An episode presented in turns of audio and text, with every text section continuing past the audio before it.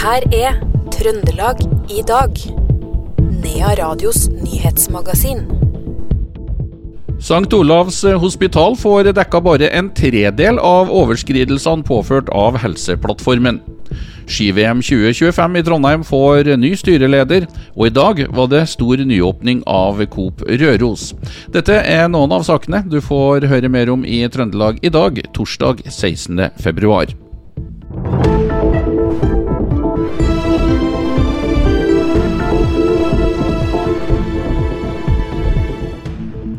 Men vi starter i Levanger. Det var 38 år gamle Anne Karlsen Øverkil, bosatt i Stjørdal, som døde på sykehuset i Levanger sammen med sitt ufødte barn 29.1 i år. Det opplyser politiet i en pressemelding. Navnet offentliggjøres i samråd med pårørende. Sykehuset Levanger har fått status som mistenkt etter hendelsen for å avdekke om det foreligger brudd på helsepersonelloven paragraf 4.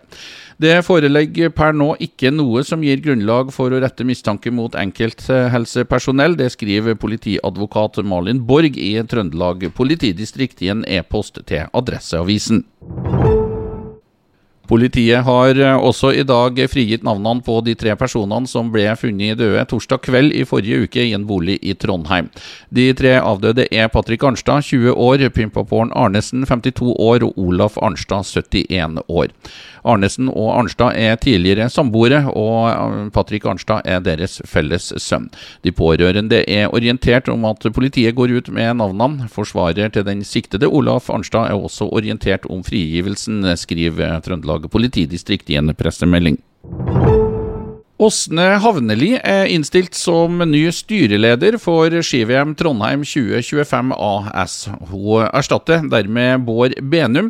Det skriver Norges Skiforbund i en pressemelding. I tillegg til Benum så er styremedlemmene Håvard Belbo og Kristine Spiten på vei ut. Valgkomiteen har innstilt Kjell Bjarne Helland som ny nestleder og Eldar Rønning og Knut Eirik Dybdahl som nye styremedlemmer.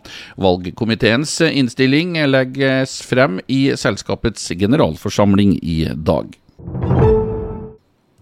St. Olavs hospital mener innføringa av Helseplattformen har gitt minst 250 millioner kroner i ekstrakostnader bare fra 12.11. og frem til nyttår. Men ledelsen i Helse Midt-Norge tviler på tallene og anbefaler at styret bare gir 90 millioner i kompensasjon, siden det er uklart om overskridelsene kun skyldes Helseplattformen. I dag var det styremøte i Helse Midt-Norge, og der ble det gjort to vesentlige vedtak om Helseplattformen plattformen. Det sier styreleder i Helse Midt-Norge, Odd Inge Mjøen. For det første så har vi beslutta å dele innføringsprosjektet nå eh, eh, til et hovedinnføringsprosjekt som gjelder St. Olav, og som vi skal avslutte 30.6. i år. Sammen med Trondheim kommune, som har vært en samarbeidspart under hele denne innføringen. Og uh, der uh, vet dere jo at uh, vi tidligere har sagt at feilretting, optimalisering når det gjelder løsningen på St. Olav skal være ferdig og på plass til 15. mai, med unntak av det som går på billeddiagnostikk, hvor de har fått frist til medio september. Så har vi også da beslutta en ny finansiering på innføringsprosjektet i Helse Nord-Trøndelag og Helse Møre og Romsdal, hvor vi har brukt av reserven som er avsatt i, i uh, innføringsprosjektet på Helseplattformen.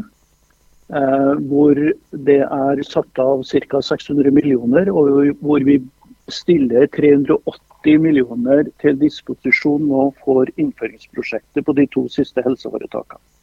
Hva tenker du om at det er så stor forskjell i virkelighetsoppfattelsen mellom det St. Olavs ønsker å få kompensert, og det som eh, dere i styret har landa på i dag? Jeg syns det er uheldig at uh, det er uh, tatt utgangspunkt i to forskjellige måter å regne på. St. Olav har brukt de tre siste månedene av 2022 til å beregne sitt tap, mens det regionale helseforetaket har sett på hele 2022 under ett.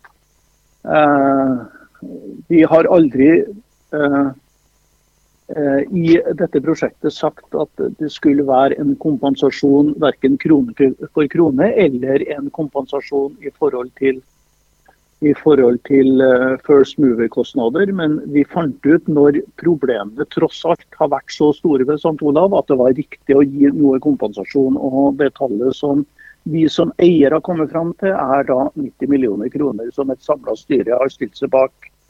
Så er det jo også sånn at uh, alle helseforetakene, uh, også St. Olav, har fått økt ramme i forkant av 2022 i forbindelse med innføringa, samt at det er også bevilga risikoreduserende midler eh, tidligere fra, eh, Helse Midt-Norge sin side. Så totalt sett så har de jo fått en, en, et stort beløp for å eh, gjennomføre denne innføringen. Ja, Det sa styreleder i Helse Midt-Norge Odd Inge Mjøen. Reporter var Iver Valldal Lillegjerde. Og det er bekymrende at eh, styret i Helse Midt blir feilinformert og tar sine beslutninger på feil grunnlag. Det sa hovedtillitsvalgt Jon Olav Berdal fra Fagforbundet ved sykehuset tidligere i dag. Birali internasjonale kindergarten i eh, Trondheim er tatt ut i streik fra med i dag. Meklinga for ideelle og private barnehager i NHO i natt førte dermed ikke frem. Fagforbundet krever de samme pensjonsvilkårene som vanlig i kommunale og andre private barnehager. Det sier Fagforbundets forhandlingsleder Anne Gren Nilsen. Staten og Norske Reindriftssamers Landsforbund er enige om en ny reindriftsavtale for 2023 og 2024. Reindrifta får en historisk høy tilskuddsvekst på i overkant av 11% skriver MN24. Landbruks- og matminister Sandra Borch sier hun er glad for at de nå har inngått en avtale med reindrifta med en høy økonomisk ramme.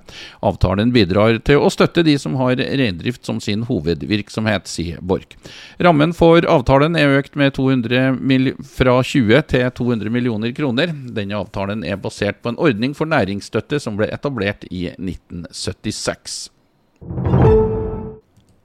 I dag var det åpning, eller rettere sagt reåpning, av Coop på Røros. Og en av dem som eh, overvar den høytidelige snorklippinga på nybutikken, var administrerende direktør i Coop Midt-Norge, Torbjørn Skei. Ja, vet du, jeg syns det ble eh, kjempefint. Egentlig må jeg si at jeg syns det var over de forventningene når vi starta. Eh, senteret har blitt veldig moderne. Eh, flotte leietagere, og det her skal vi være med på å gjøre eh, Røros sentrum enda mer attraktivt. Så det her syns vi er veldig bra. Det er jo ikke så lenge siden det ble tatt et skikkelig storløft eh, på Domus på Røros heller. Altså, likevel gjør man denne jobben nå. Ja, og det er for å gjøre oss på en måte attraktive for fremtida. Nå har vi investert for en langsiktig løp framover. Og jeg tror at dette er både for befolkninga på Røros, hyttfolket og for turistene, så tror jeg dette kommer til å gjøre Røros enda mer attraktivt. I konsernet, da, så Coop Midt-Norge, hvor ruvende er dette bygget? Det her er jo ett av eh, åtte kjøpesenter som vi har, og det mest moderne akkurat nå. da. Så, men dette har, vi, dette har vi stor tro på. Veldig, veldig bra å, å, bidra med det her på Røros. Eh, vi har mange prosjekt på Røros. Det er ikke lenge siden vi åpna Ekstrabutikken. Vi har modernisert en ny modernisert opp Megaen til å bli Norges flotteste supermarked. Og det er ikke så veldig lenge til vi skal tilbake og være med å åpne biblioteket som vi på å bygge for Røros kommune. Og reporter på Røros, det var Per Magne Moan. Fra og med i går så er det forbudt å bruke blyhagl som ammunisjon på jakt og i nærheten av våtmark. I praksis så må jegere nå bruke annen ammunisjon i så godt som alle jaktsituasjoner. Det skriver Trønderavisa. Endre Alstad, som er regionsekretær i Norges jeger- og fiskeforbunds avdeling i Nord-Trøndelag, sier forbudet har stor betydning for nordtrønderske jegere. Mange områder hvor de jakter ryp og skogsfugl, blir per definisjon nå våtmarksområder, og da er man fastlåst, sier han. Bakgrunnen for regelendringa er at EU har vedtatt et forbud mot bruk av blyhagl i og nærmere enn 100 meter fra våtmark. Ole Sæter bekrefter overfor Adresseavisen at han blir i Rosenborg. Sæter har vært kobla til to tyrkiske klubber og en klubb i Sveits. Etter å ha slitt med omgangssjuke ankom Sæter treningsleiren i Marbella i Spania sent i går kveld. Han håper å bli klar til søndagens treningskamp mot Sandefjord. Og Kevin Ingebrigtsen er tilsatt som ny daglig leder i Stjørdalsblink fotball på fulltid fra 1.3. Det skriver klubben på sin hjemmeside. Ingebrigtsen har vært fotballagent i Stars and Friends med Skandinavia som ansvarsområde, og har i tillegg vært redaktør for nettstedet Trønderfotball i en årrekke. Det var alt vi fikk plass til i Trøndelag i dag, torsdag 16.2. I studio, Knut Inge Skjem.